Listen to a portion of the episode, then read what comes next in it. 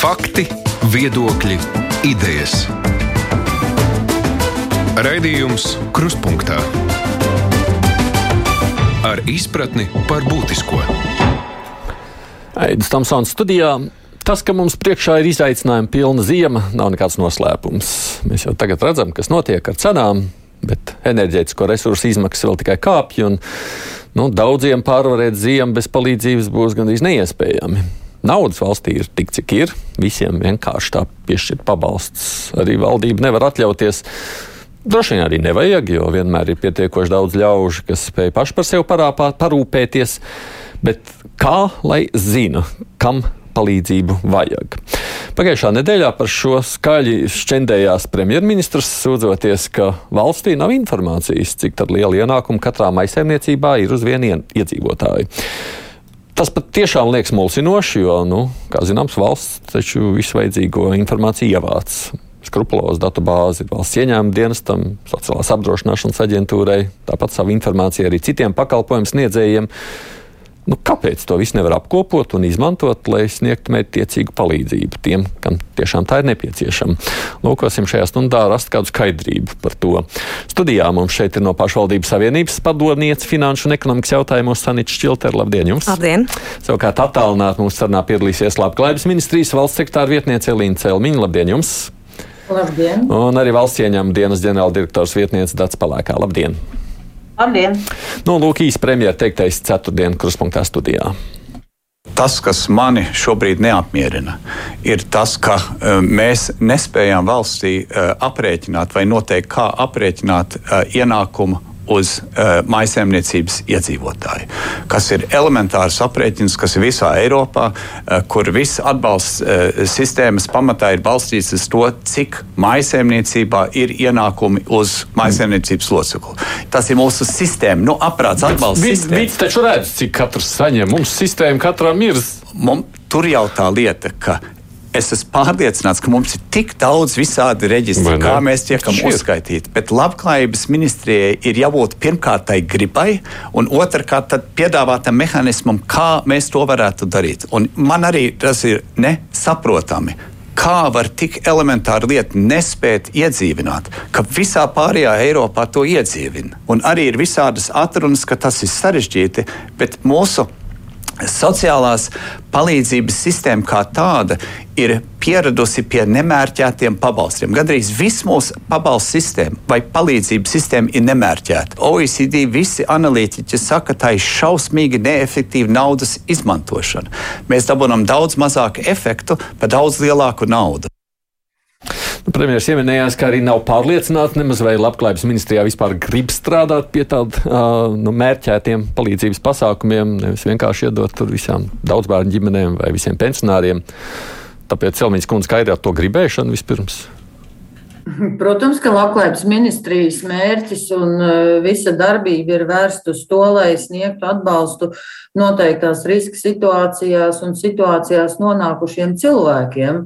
Un mūsu sistēma ir veidota tā, ka mums ir gan e, ienākumos testētais atbalsts, un tas tiek darīts caur pašvaldību sociālo palīdzību. Tāda atbildība un e, atbildība nošķīrums ir likumdošanā paredzēts, un tur arī ienākumu testēta atbalsta veidā palīdzība tiek sniegta. Tātad pašvaldības jūs sakāt, ka pašvaldības zina, cik katra maisaimniecībā ir ienākumi?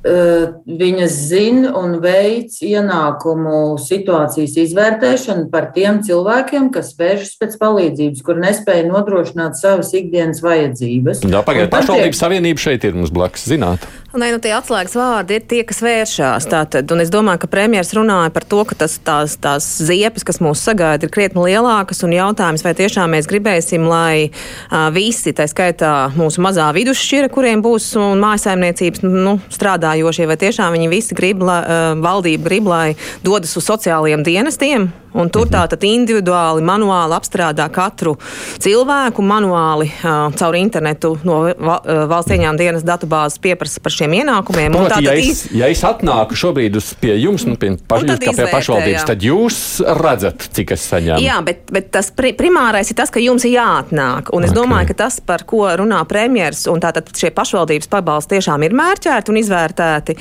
bet valsts sniegtie pabalsti tiešām un visa sociālā sistēma tiešām ir uh, masveidā, nu, kaut vai piemēram, kas, protams, nav labklājības ministrijas jautājuma elektroauto atbalsts. Tātad, nu, lielākās, lielākā cena, kas tur ir, tur ir ap 50, 60 tūkstošiem uh, bez PVN, par kuru valsts dod arī atbalstu. Nu, nu, tas ir jautājums, vai tie, kas var nopirkt ar valsts atbalstu šo 60, 50, 60 tūkstošu vērtos elektroautomobīļus, nu, vai vajadzēja? Pēc nu, idejas morāls, protams, dabas jautājums, bet nu, arī droši vien daudz bērnu ģimenes pabalstu atgriezīšos pie labklājības ministrijas.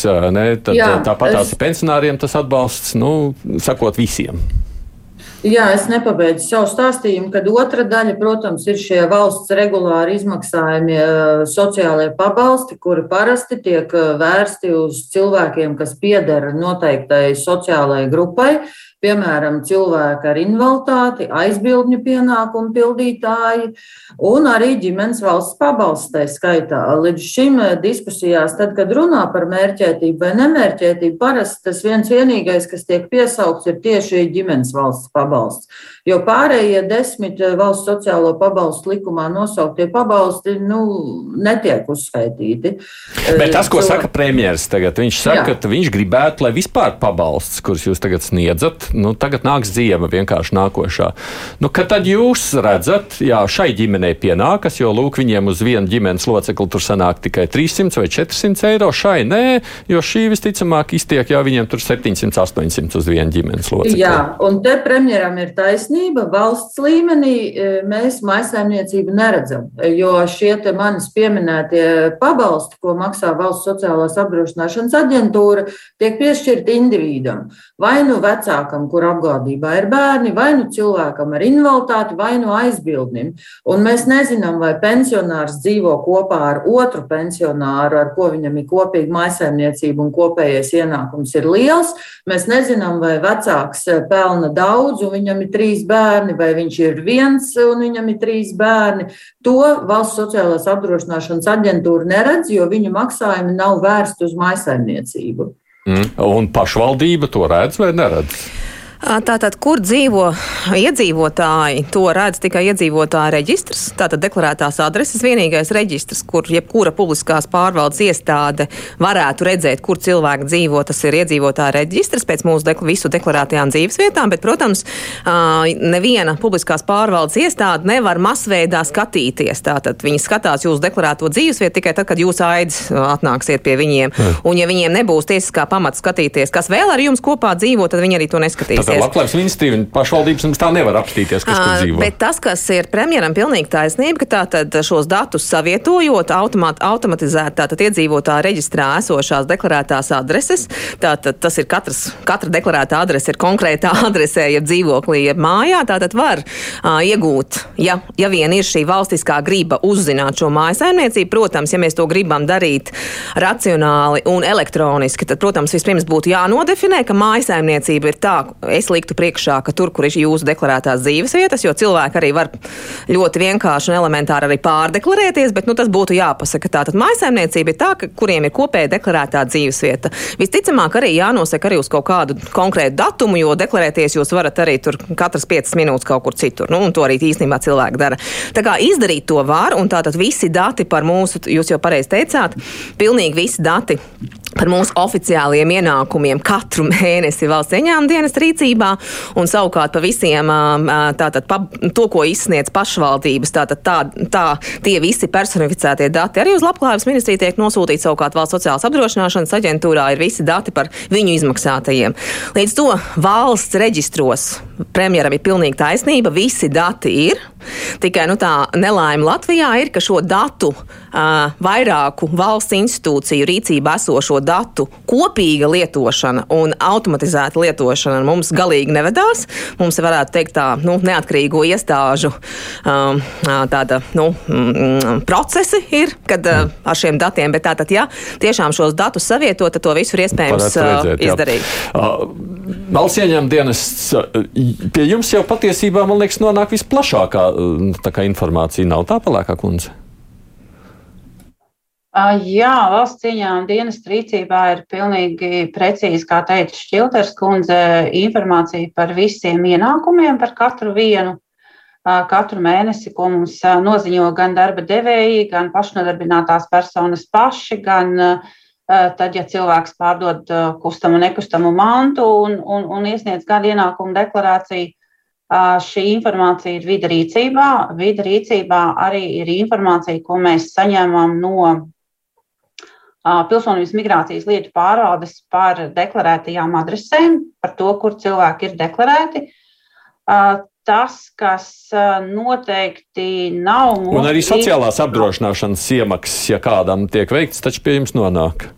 Jā, un mēs apmainamies informāciju arī ar Valsts sociālās apdrošināšanas aģentūru, arī ar to, kas viņiem ir nepieciešams. Bet es gribētu pievienoties tam, ko teica Šilters kundze. Vispirms ir nu, jāsaprot šī maisaimniecības definīcija, vai mēs pieturamies un paliekam pie tā, kas pašlaik ir, manuprāt, sociālo pabalstu likumā vai līdzīgā likumā ierakstīts, kur par maisaimniecību tiek definēts, ja personas, kuras dzīvo vienā kopīgā mājoklī. Un te droši vien ir tas, tas moments, kad nu, vai viņi dzīvo vai nedzīvo tur, kur viņi ir deklarējušies. To nu, laikam nezinās ne valsts cieņām dienas, ne sociālās apdrošināšanas aģentūra. Jo nu, cilvēkiem tomēr tā, tā, tā nu, kultūra, ka viņi nevienmēr deklarējās tur, kur dzīvo, un otrādi, nu, to mēs redzam pēc, pēc savas pieredzes, kaut vai mēģinot uzrunāt un atrast reizēm nevis elektroniski, bet caur vēstulēm savus klientus. Proti, ja mēs to ignorētu un sacītu, nu, ka tā ir tava problēma, nedeklarējies tur, tā, tas nozīmē neesi mājasēmniecība. Ja mēs šo atrisinātu, tas būtu viss, viss pārējais ir valsts ieņēmuma dienas rīcībā. Nu, te, protams, ir jāsaprot, kādus ienākumus vēlas, vēlas labklājības ministrija iegūt, ko skaitīt kopā, kā nonākt līdz šim slieksnim, kuriem kuri ir tie, tie cilvēki, uz kuriem tas pabalsts tiktu mērķēts. Bet uh, mēs, protams, esam gatavi, nu, ja ir vēl nepieciešams dalīties ar kādu informāciju, ar ko jau mēs šobrīd nedalāmies, vai to visu kaut kā likt kopā. Vienmēr, vienmēr gatavi to darīt. Galvenais ir tikai saprast to konkrēto rāmi, kādi ir ienākumi, līdz kādam slieksnim, ko saskaitīt, ko nezinu, dalīt, reizināt un atņemt. Tātad, lai tas maisaimniecības grozs izveidotos. Droši vien, ka ir jāsāk Jā. ar to. Tagad jautājums ir, kāpēc tas nav tā kā darīts līdz šim? Celmiņas kundzes, vismaz no labklājības ministrijas puses.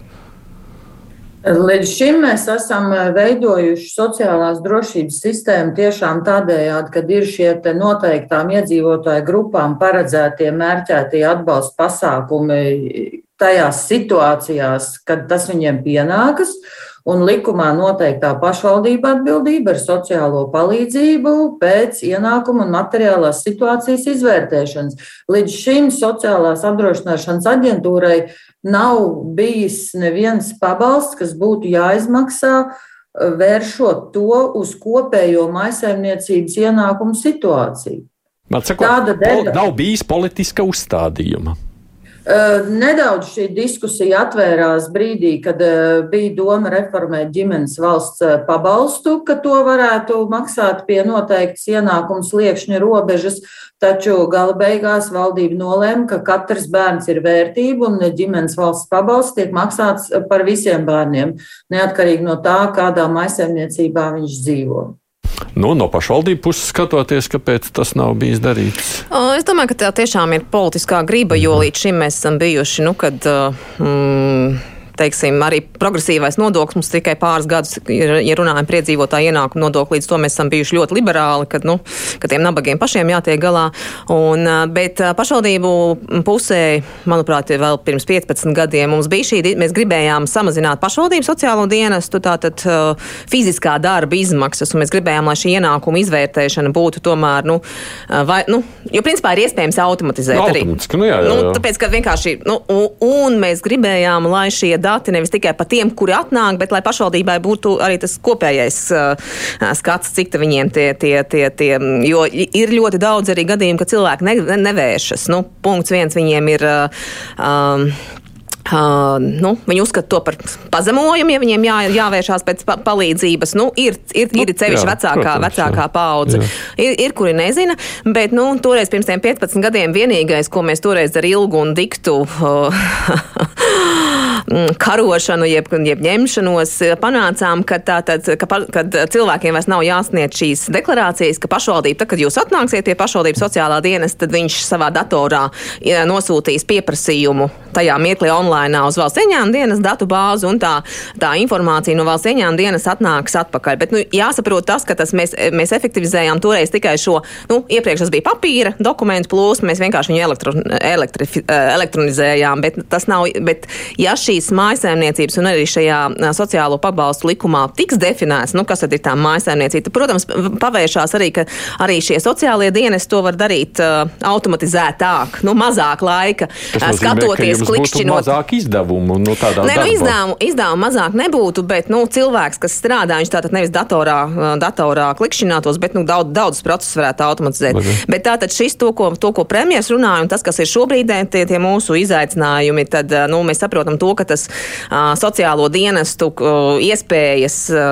to cilvēku skaitu, kuriem būs problēmas ar apkursu rēķiniem, elektrības rēķiniem un tā tālāk, viņš ir, nu, mēs jau runājam par, nu, lielāko daļu sabiedrības. Līdz to te, šeit tiešām ir jāizvēlās elektroniskie risinājumi, datu savietošana valsts informācijas sistēmās. To var izdarīt tikai valsts pusē. Un, nu, tas ir jautājums tieši tā kā arī Pelēkās kundzes teica. Tātad, nu, dators dara to, ko viņam precīzi algoritmi nosaka. Tātad, nu, ir jāpasaka tas algoritms. Tālāk jau, ja tas algoritms ir pateikts, kurus datus jāsavieto, tad jau ir tas, ko no, no tām datu bāzēm arī var izgūt dažādus šos datus arī tiem lēmumu pieņēmējiem, ko premjeras teica, lai varētu, nu, cik tad varēs atļauties līdz kādām robežām.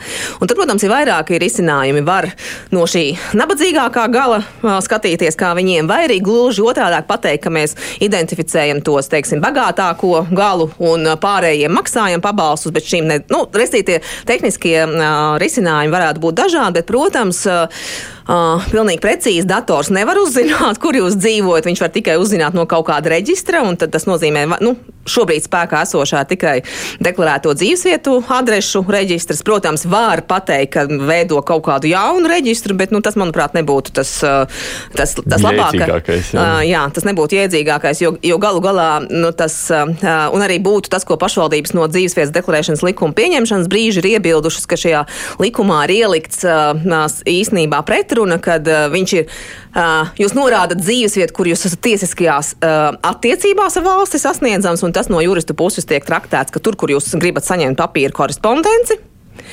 Uh, un, un šī dzīvesvieta. Bet tā kā nu, šobrīd mums ir elekt oficiāla elektroniska adrese, un jebkurš cilvēks, vienalga, kur viņš dzīvo, viņš tātad šo korespondenci ērti var pieteikties un saņemt elektroniski, tad es domāju, ka ir pienācis brīdis arī šajā dzīvesvietas deklēšanā arī šo juridisko faktu, nu, lai, jo atkal ir, ir, ir vesela virkne nu, cilvēku, kuriem patīk tiesāties ar publisko pārvaldu, tur dažādas nianses, nu, mm. nu, vienkārši noņemt. Bet tātad, ja, ja premjera birojas vai politiķi definē šo algoritmu, uh, valsts institūcijām, ka viņš ir jāsavieto, tad tas ir nu, tas Izdarās, programmēšanas ja. jautājums. Var jau būt, ka man reizēm šķiet, nu, valsts cieņām dienas sēž kā tāds suns uz sienu kaudzes un nedod tos datus nevienam un negrib nemaz dalīties. Nav tā palaikā kundze. Nu, es ceru, ka Šķilters kundze jums tūlīt oponēs par to, ka mēs tomēr ar datiem dalāmies. Mums, protams, ir, ir vēl dažādas diskusijas par datu griezumiem un dziļumu UTT, UTT, bet manuprāt, ka nu, valsts cieņām dienests ir viena no tām institūcijām, kas ļoti dāsni dalās ar saviem datiem. Te, mhm. protams, ir runa par to, ka nu, kādam ir jāsamaksā arī par to uzprogrammēšanu un par sistēmas uzturēšanu, jo nu, valsts cieņām dienests, jā, tie ir mūsu dati, jā, mēs to uzturam, bet, nu, lai mēs nepaliekam tie tie, tie, no kura budžeta arī tas viss tikai tiek darīts. Te, protams, ir jādomā arī par tādu jautājumu. Pirms tālāk runājam par nākošajiem soļiem. Ir jums kaut kādu datu, kā pietrūktu, jūsuprāt, nu, ko vēl vajadzētu, lai, nu, lai tā aina veidotos pilnīgāka? Tas ir jautājums, Tas ir jautājums valsts ieņēmuma dienestam, jā, kā jums šķiet. Bet, nu, es baidos, ka es laikam nebūšu. Nevarēšu tas, atbildēt. Jā. Tas īstais, jo tas, tas tā algoritmu noteikšana nav valsts ieņēmuma dienesta pusē. Te ir drīzāk nu, proti, to, cik jums vajag jūsu darbam, jums visa kā pietiek, teiksim tā. Mūsu darbam priekš nodokļu administrēšanas pietiek. Ja, es varu palīdzēt pelēkās kundzei. Tas, kas tātad no visi izmaksātie sociālie pabalsti no valsts sociālās apdrošināšanas aģentūras, viņi saņem priekš gada ienākumu deklarācijām reizes gadā priekš šāda algoritma Tā kā viņš sāks darboties ikdienas režīmā, protams, tie dati būtu jāsaņem par, par, par, par pensionāriem, no, um, visiem pāriem izmaksātajām summām, nu, tāpatās kā no darba devējiem. Un arī um, pašvaldību izmaksātie pabalsti no labklājības ministrijas datu bāzes, kur viņi visi arī personificēti aiziet, tad arī. arī, arī, arī tad ir biežāk. Uh, biežāk, un arī, nu, ja, ja politiķi vēlās izvērtēt arī uh, personu, ko sociālajā jomā uh, ikdiena, nu, tiem trūcīgiem maz, maznodrošinātiem vērtē, ja arī šajā algoritmā grib vērtēt, nu, cik daudz jums ir jūsu uzkrājumi, kas ir banku kontos, tad Jā. arī valsts ieņēmuma dienestam šobrīd jau ir, tehniskais risinājums vienreiz gadā, ka tātad es neatceros to summu, virs kuras, ja kontā ir atlikums, tad valsts ieņēmuma dienas automatizēti vienreiz gadā no visām bankām šo kontu informāciju saņem. Tā kā, nu, ja, ja politiķiem ir vēlme arī šo, tad arī, arī, arī, arī, arī to var ņemt vērā. Protams, visus neoficiālos ienākumus un tā tālāk valsts nekad mūžā neuzzinās. Protams, to mēs maz vāji, bet jums tiešām vēlreiz, lai mēs precizētu, palēkā kundze, jums ir informācija vajadzības gadījumā pieejama no bankām patiešām, kas notiek kontos, vai ne? Nu, ziniet, kā mēs tagad tā, drusku tā aizslīdam, manuprāt, projām no tēmas, jo, ja mēs runājam par to darbu, ko uh, ikdienā strādā valsts ieņēmuma dienas, nevis maksājot atbalstus un pabalstus, bet patiešām administrējot nu nodokļus, -hmm tad tā informācija, ko mēs saņemam, jā, mēs saņemam no bankām reizi gadā informāciju par kontu apgrozījumiem cilvēkiem. Un tad mēs skatāmies, tas, ir, tas tiek, tiek likts kopā ar to informāciju, kas jau ir nodeklarēta. Skatāmies, vai cilvēka ieņēmumi, ienākumi, ko viņš ir deklarējis caur citām deklarācijām, atbilst tam, ka nauda ir staigājusi caur kontu, tad nezinu, uzrunājam, jautājam. Cilvēks sniedz atbildes, izstāst par to, ka viņam kontā ir bijis arī kāds aizņēmums ieskaitīts, kāds kredīts ieskaitīts, kāds ir atdevis naudu UTT, UTP. Tās situācijas ir ļoti, ļoti dažādas. Bet paturpinot vēl arī to, ko teica Šķilters kundze, nu, ir jāatcerās arī tas, ka jebkura deklarācija, protams, mūsu klienti labo un precizē, un tās ir viņu tiesības. Jo uh, tā informācija, kas ir mūsu rīcībā un ko mēs varam pie nepieciešamības tātad šim tā mm, pabalstu izmaksātājiem sniegt, ir tā brīža, konkrētā brīža situācija. Iespējams, pēc stundas, iespējams, pēc pusstundas vai pēc dienas tā informācija varētu mainīties, jo klients savu deklarāciju ir precizējis. Tas arī ir jāsaprot visiem lēmumiem Nu, tas ir skaidrs, jā, tas ir stāsts par regularitāti, jā, cik tā informācija tiek bieži iz, jā, atjaunot izmantot. Tā par mhm. regularitāti, jo arī šī informācija viņa ir, ir tāda, ko, ko, ko deklarē reizi mēnesī, ir tāda, ko iesniedz cilvēki reizi ceturksnī, un kā Šķilters kundze teica arī, kas ir tikai reizi gadā. Tad te arī domājot pie šī paša algoritma vai lielā tā pabalsta rāmja, ir jāsaprot, kas ir tas laika periods, ko tad grib ņemt vērā Nu, tātad, nu, visu, visus tos kritērijus, kādi būtu vērtējami ar visiem plusiem, mīnusiem, ko es arī tagad nosaucu, lai tad saprastu beigās to tieši mērķa auditoriju, kuri, kuri būtu pavalsts saņēmēji. Premjeras tagad ir uzdevis savukārt nu, vairākām ministrijām, tajā skaitā arī Labklājības ministrijai un arī Vides aizsardzības reģionālās attīstības ministrijai, kur mēs tulīt pieslēgsim mūsu sarunai līdz jūnijam, konkrētam datumam, tagad strādāt pie tā, kas ir darāms, lai šī informācija ir pieejama un no 1. septembra varētu jau tikt izmantota nu, mēķētas pabalstu sistēmas ieviešanai Latvijā. Ko jūs šajā sakarā, un pa priekšu tam labklājības ministrijas pārstāvēja jautājuši, grasāties tagad darīt?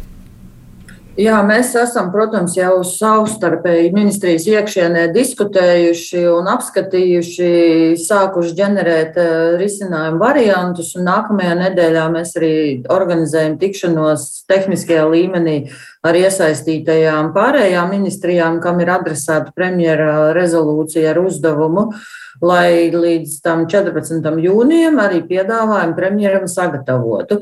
Viena no sarežģītākajām izšķiršanām droši vien būs par to, kur iestāde to dara. Uh, un varianti ir principā tikai trīs uh, - ieņēmuma dienests, valsts sociālās apdrošināšanas aģentūra vai pašvaldības sociālais dienests. Lai kura no tām iestādēm tā arī būtu, jebkurai no viņām būs jāzina tie priekšnosacījumi parametri, Eh, par kādu periodu, par kādu slieksni un cik lielu atbalstu maksā, jāsavēl kopā ar eh, to deklarēto cilvēku, kas tur dzīvo. Tātad tiem ir jābūt iedzīvotāju reģistra datiem. Un jautājums ir, kā mēs to darām? Vai mēs kompensējam kaut kādu daļu no sadārdzinājuma, kas pārsniedz kaut kādu noteiktu robežu, vai mēs ejam, un tas ir vienkāršāks ceļš un ātrāk izdarāms, visiem, kuru ienākumi nesasniedz kādu noteiktu slieksni uz vienu personu ģimenē mēnesī, tiek maksāta kāda konstanta summa. Nu, mēs droši vien piedāvāsim uh, savus risinājumus, un tad, uh, tad, kad nāks tuvāk, tad arī varētu runāt par tiem detaļās. Taču es gribēju atzīmēt, ka uh, mūsu ieskatā sistēma līdz šim nevaram, mēs nevaram apgalvot no savas puses, ka sistēma nav bijusi mērķēta. Mēs esam saņēmuši pārmetumus no starptautiskajām organizācijām, ka ienākumu sliekšņi, pie kuriem tiek sniegts atbalsts, ir par zemu, un līdz ar to pārklājums ar cilvēkiem, kuriem tiek sniegts atbalsts, ir nepietiekams. Taču ne pārmetums par to, ka sistēma nebūtu mērķēta. Viņi ir mērķēti ļoti specifiski uz tiem, kam ir konkrēta sociālā situācija, konkrēti gadījumi vai ienākuma situācija. No tā viedokļa viņi ir ļoti mērķēti. Nu jā, nē, tas, tas, jā, jā, jā. Tā, tā problēma, protams, tajā visā ir. Nu, tajā brīdī, kad dzīvo, pieņemsim, pieci cilvēki kopā, tur ir tēvs, pieņemsim, mamma, bērns un varbūt viens mazbērns. Mēs katrs kaut ko saņem, bet cik kopējais ir tieši tajam mājoklim un kas tur paliek kopā pāri, lūgt šīs informācijas, tad arī pietrūkst. Tāpēc tas mērķējums sanāk tāds, kāds sanāk. Mums ir pievienojies šobrīd Vides aizsardzības reģionālās attīstības ministrijas valsts pārvaldes pakalpojumu attīstības departamenta direktors Uģis Bisenieks mūsu sarunai. Bisniekungs, halo! Halo, labdien! Labdien! Mēs te runājam par pašreizējo situāciju un to, kāpēc tā informācija, pieņemsim, nav uh, vispār bijusi līdz šim. Nu, tādā sistēmiskā veidā pieejama, cik katras maisaimniecībai paliek uz vienu iedzīvotāju pēc tam, kad nu, visi nodokļi ir nomaksāti. Mēs spriedām, ka tas visticamāk nav bijis politiskais uzstādījums. Tā tas ir, tāpēc tā tā ir tāda. E, jā, nu es varbūt mazliet par to kontekstu. Dažkārt ko mēs ministrijā dzirdam, ja, nu, kad valsts informācijas sistēmām nav īsti pieejama šī savstarpēja datu apmaiņa. Ja. Un te es gribu uzreiz šo mītu, patiešām jau tādus iesakņojušos mītu kliedēt, jo jā, patiesi iestādes mums ir ļoti digitalizējušās un, un, un uh, patiesībā viņas tikai tāpēc spēja savu darbu labi izpildīt, ka viņam pašām ir šie digitālie risinājumi digitālās datubāzes. Un, un, protams, ka to kopainu var iegūt tad, ja šī, šo informāciju saliek, savēl kopā.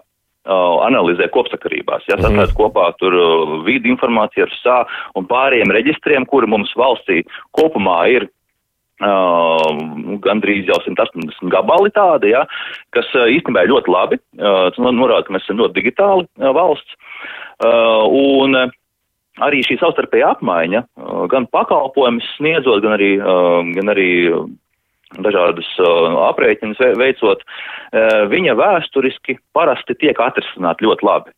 Uh, tikai Nu, kas ir vajadzīgs, ir pirmkārt jau izdomāt šo te, uh, datu apstrādes modeli, šo algoritmu. Tas ir parasti grūtākais, un saprast, no ko, kādas sliekšņi, kāda kriterija tiek ņemta vērā. Ja? Un uh, tas ir viens faktors, otrs faktors, protams, tiesiskā puse, uh, jo, nu, mēs parasti runājam par personu datu apriti, tad, tad, tad, tad parūpēties, lai tiesiski šī aprite ir korekti noregulēta, ja, kas mums arī dažkārt ir izaicinājums. Mm -hmm. Bet, ja šos lietas izdara, tad informācijas aprite principā ir iespējama.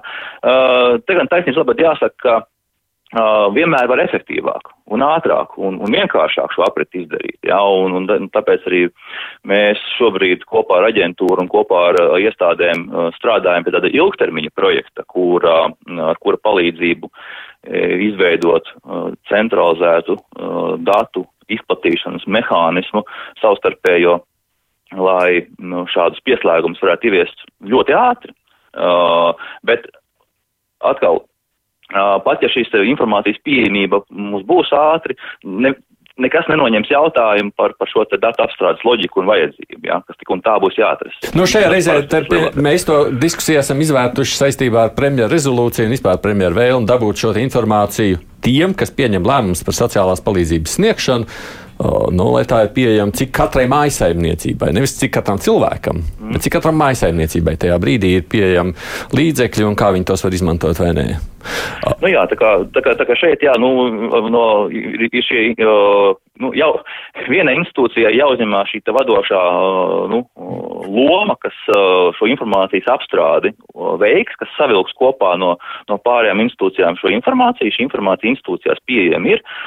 Tādi piemēri mums jau dabā pastāv, kur šāda līdzīga rakstura uzdevuma tiek ikdienā risināta. Šis uzdevums nav nekas, es teiktu, neteiktu, nekas jauns.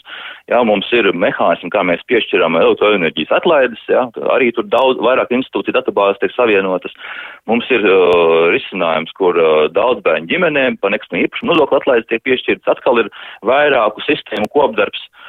Tā kā valsts pārvalda tāds uzdevums ikdienā risina, tas nav nekas neparasts un, un tikai darīšanas vaina.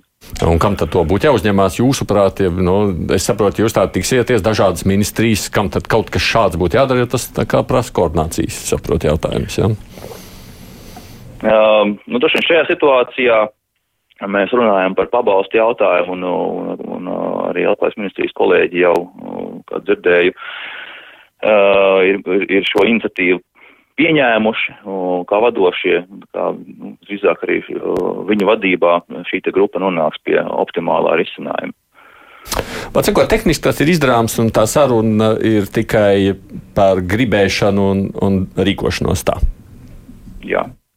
Labi, paldies. Uģis Bisanieks no Vides aizsardzības un Enerģijas attīstības ministrijas.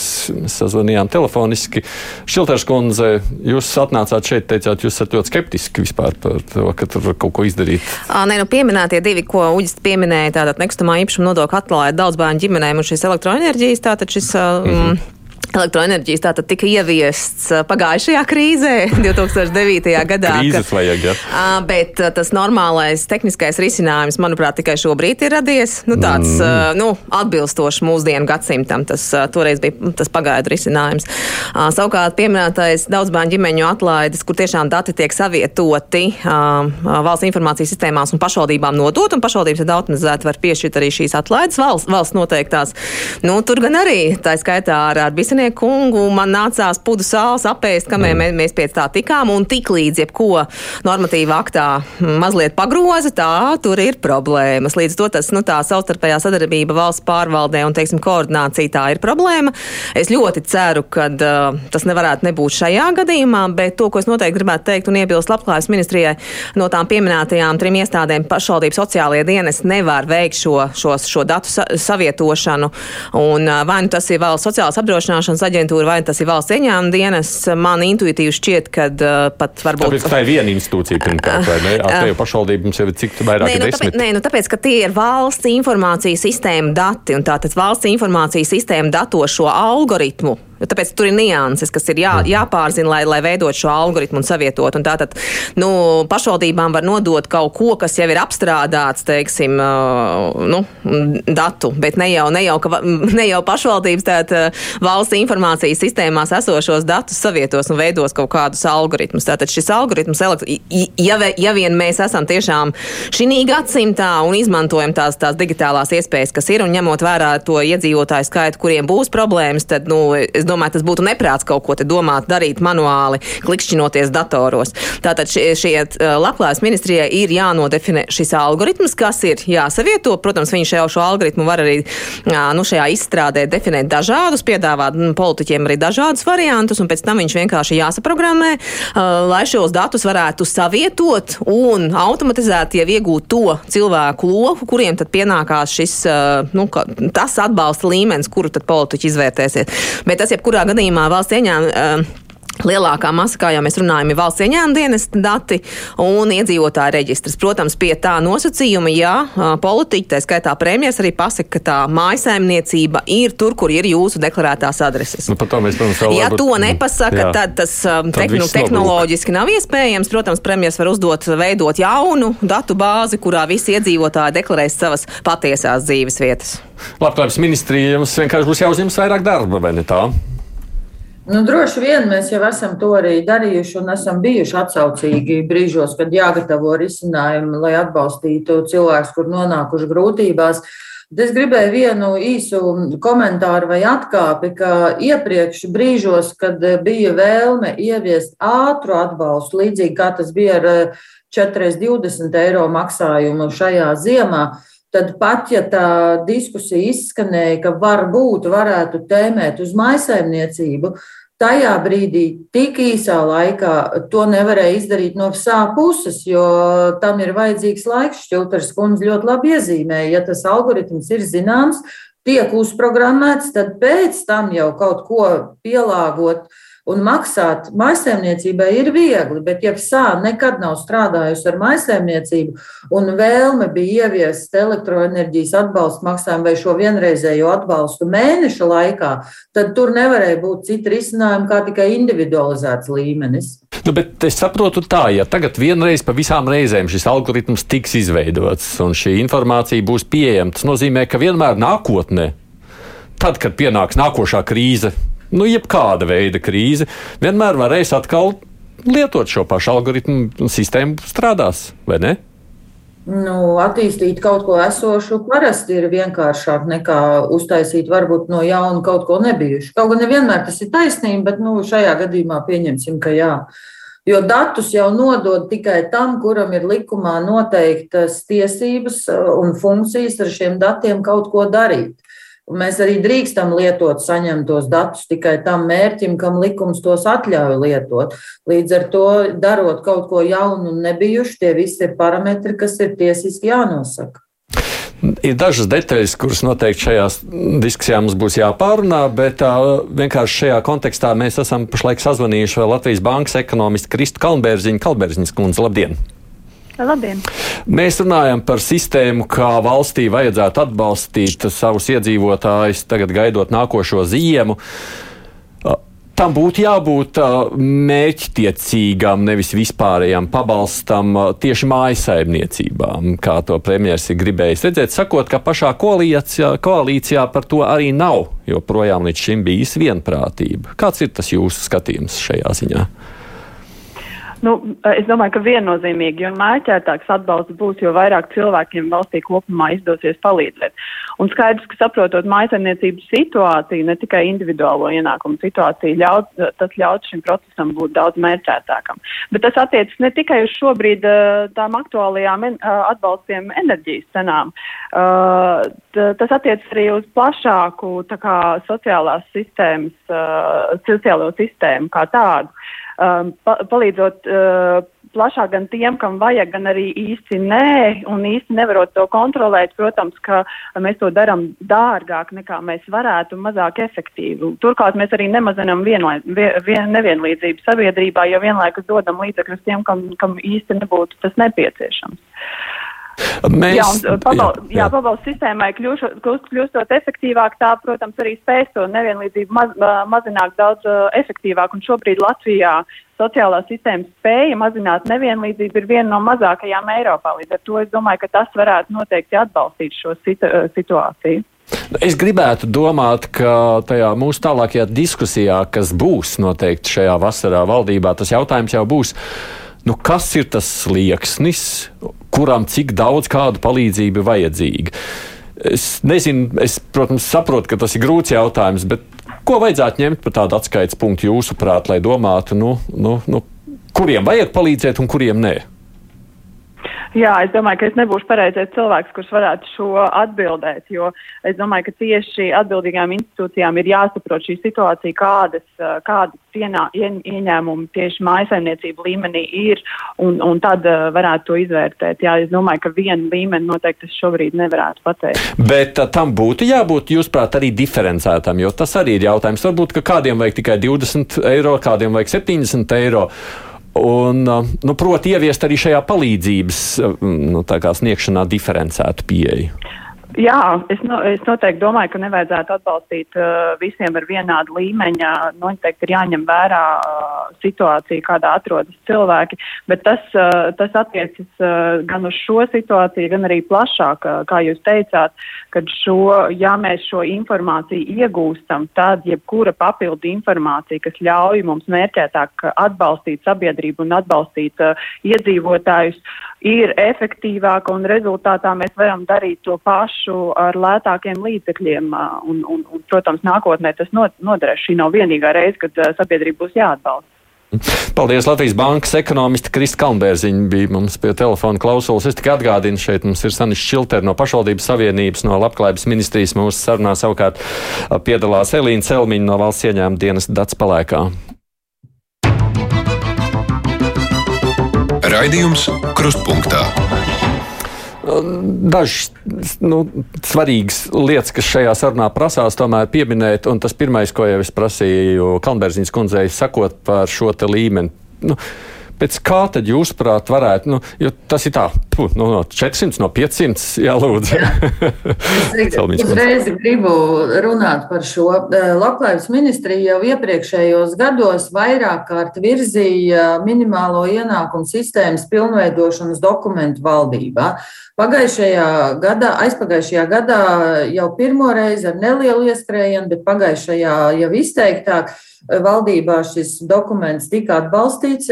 Daļēji to palīdzēja risināt arī satversmes tiesas secinājumi par to, ka ir jāievieš sociāla-ekonomiskajā rādītājā balstīts atskaites punkts. Un tas atskaites punkts, ko mēs bijām piedāvājuši, bija maisaimniecību rīcībā esošo ienākumu mediāni, jeb tā saucamais visu maisaimniecību ienākumu viduspunkts. Un šobrīd tas zemākais slieksnis, pie kura cilvēkiem tiek sniegts atbalsts, ir visiem pazīstamais garantētā minimālā ienākuma līmeņa pabalsts, tas Slieksnis ir 20% no šī viduspunkta, un tie ir 109 eiro.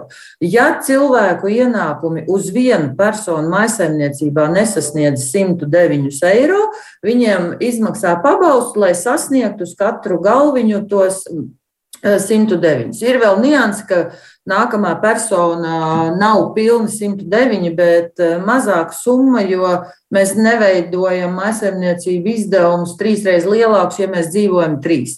Katrs nākamais cilvēks palielina izdevumus eh, zināmā mērā, bet nereiz trīs. Līdz ar to nu, tur ir mazliet sarežģītāk. 109 par pirmo personu, 76 par nākamo. Tad mums ir trūcīgs personas ienākums slieksnis - 272 eiro par pirmo personu un 190 par nākamo.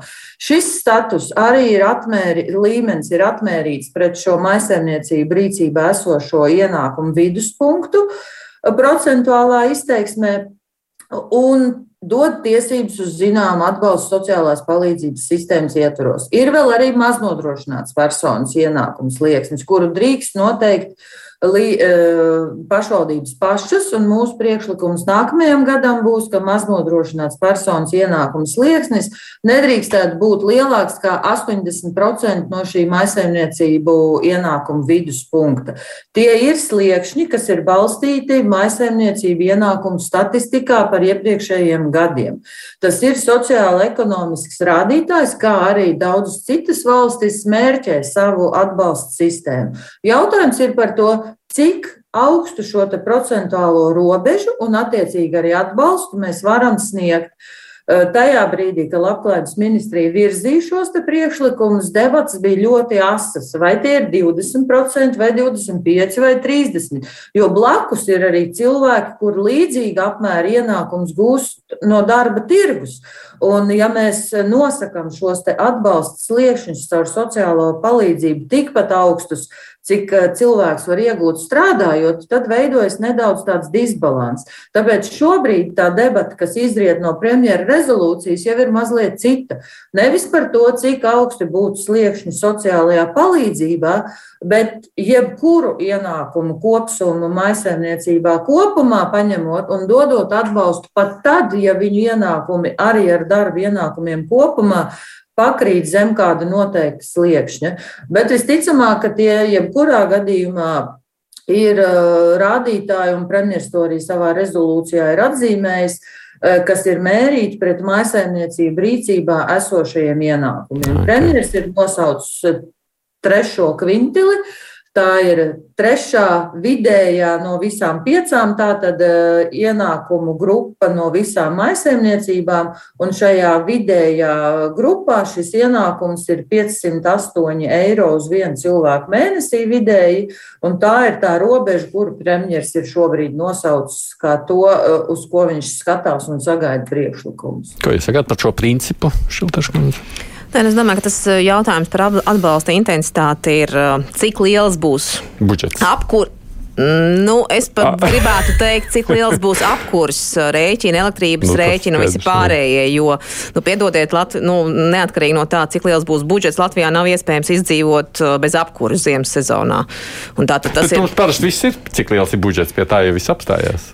Nu, es, es domāju, ka apkūra vienmēr tomēr ir Cerams. Uh, jābūt Cerams. prioritātei, un es ceru, ka tas tā arī būs. Un Cerams. vēlreiz tātad šie, šie apkuras izdevumi, ja, nu, atkarībā no tā, cik viņi lieli būs, tad eh, nu, tā ir tā, tas satraukums, ka tas skars uh, absolūti lielāko sabiedrības daļu, un tikai mazākai sabiedrības daļai varētu būt, ka nebūs problēmas ar, ar, ar šiem uh, rēķinu nomaksām. Līdz to tas ir, tas ir jautājums no tā, un līdz ar to tie esošie risinājumi, kas izvērtē individuāli, nu, mums jāsaprot, ka tu, to mēs īstenībā nevarēsim arī atļauties, tāpēc, ka jebkurš izvērtējums individuāli arī maksā, tas ir laiks, darba spēks, darba stundas, un līdz to tāpēc arī es teicu, ka tie sociālajie dienesti viņiem tāpatās būs darba mhm. apjoms, bet šādu te um, jautājumu risināšanā nevar novirzīt uz pašvaldību sociālajiem dienestiem. Tātad šeit ir jāsavieto šīs valsts informācijas sistēmas un, un, un, un jāveido šie, šie automat, uh, automatizētie, ka vismaz identificē. Pēc tam jau valsts sociālās apdrošināšanas aģentūra var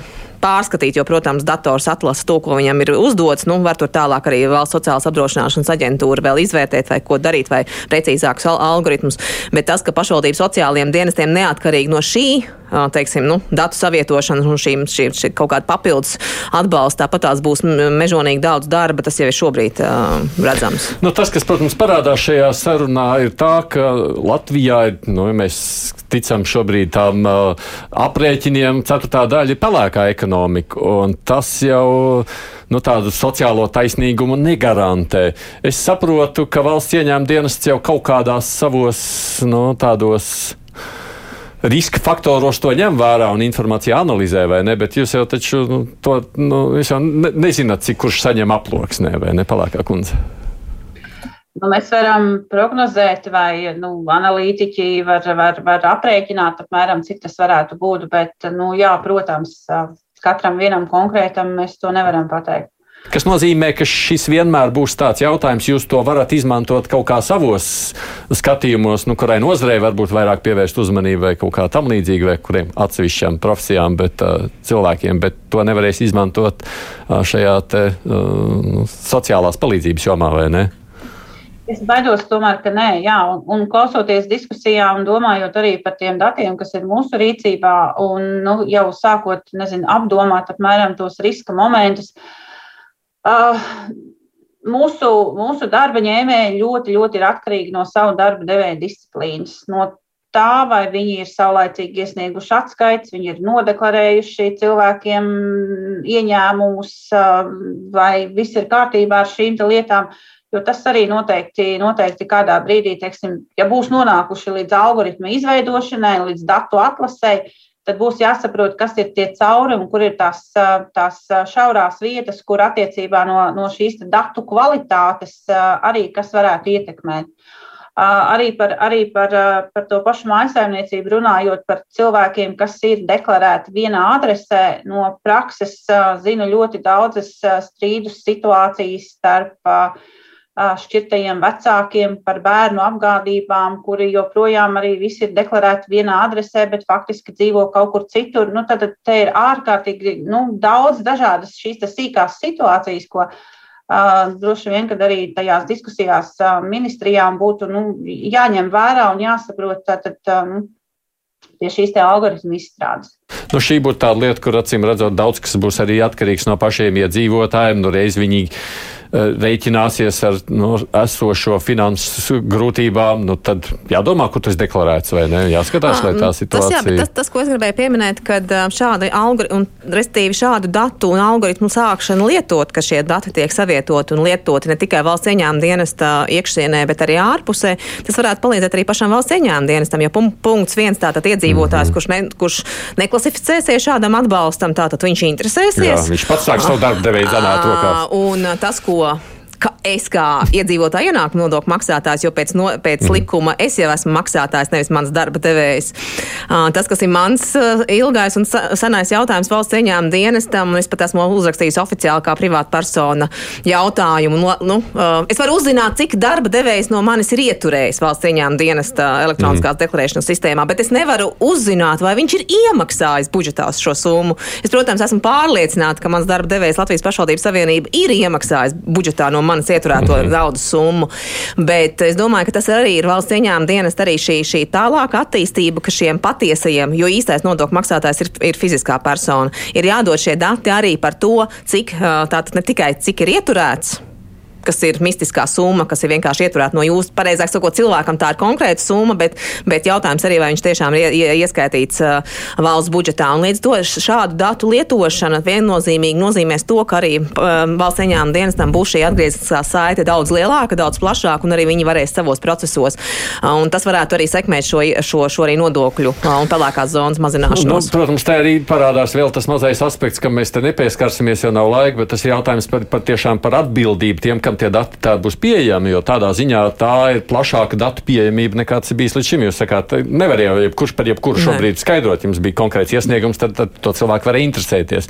Tagad, acīm redzot, kādiem atbildīgajiem būs pieejama informācija visiem par visu, nu, līdzīgi kā valsts ieņēmuma dienas darbiniekiem. Uh, ne? Ne, tieši tāpēc es teicu, ka tā, tā datu savietošana jau noteikti ir uh, vai nu valsts sociālās apdrošināšanas aģentūrā vai valsts ieņēmuma dienestā, jo, nu, ja mēs to darām racionāli un, un, un, un elektroniski, tehniski, tad, protams, tā ir datu savietošana, kas vienkārši mm, dators savieto datus un konstatē, kuriem cilvēkiem ir nepieciešams atbalsts, un tie, kas izmaksā, nemaz nezina. Nu, nu, bet, protams, cilvēki, kuri neklasificēsies, viņi vērsīsies ar savām pretenzijām, un līdz to tie, kas ir datu šie, šie īpašnieki, un īpašnieki šeit lielākā, lielākā daļa apjoma datu ir valsts ieņēmuma dienas, tātad valsts ieņēmuma dienestam tāpat tās būs jāizskata šie, šie, šie jautājumi, ja gadījumā, ja būs šis algoritms un ja šis rezultāts nebūs tāds, kā cilvēks būs, teiksim, teicis. Nu, es pieļauju, ka tās diskusijas noteikti sabiedrībā mēs šajā vasarā sagaidīsim gan par šo deklarēšanās jautājumu, jo es domāju, ka tas noteikti raisīs kādas zināmas emocijas. Mēs zinām, cilvēki deklarējas dažādu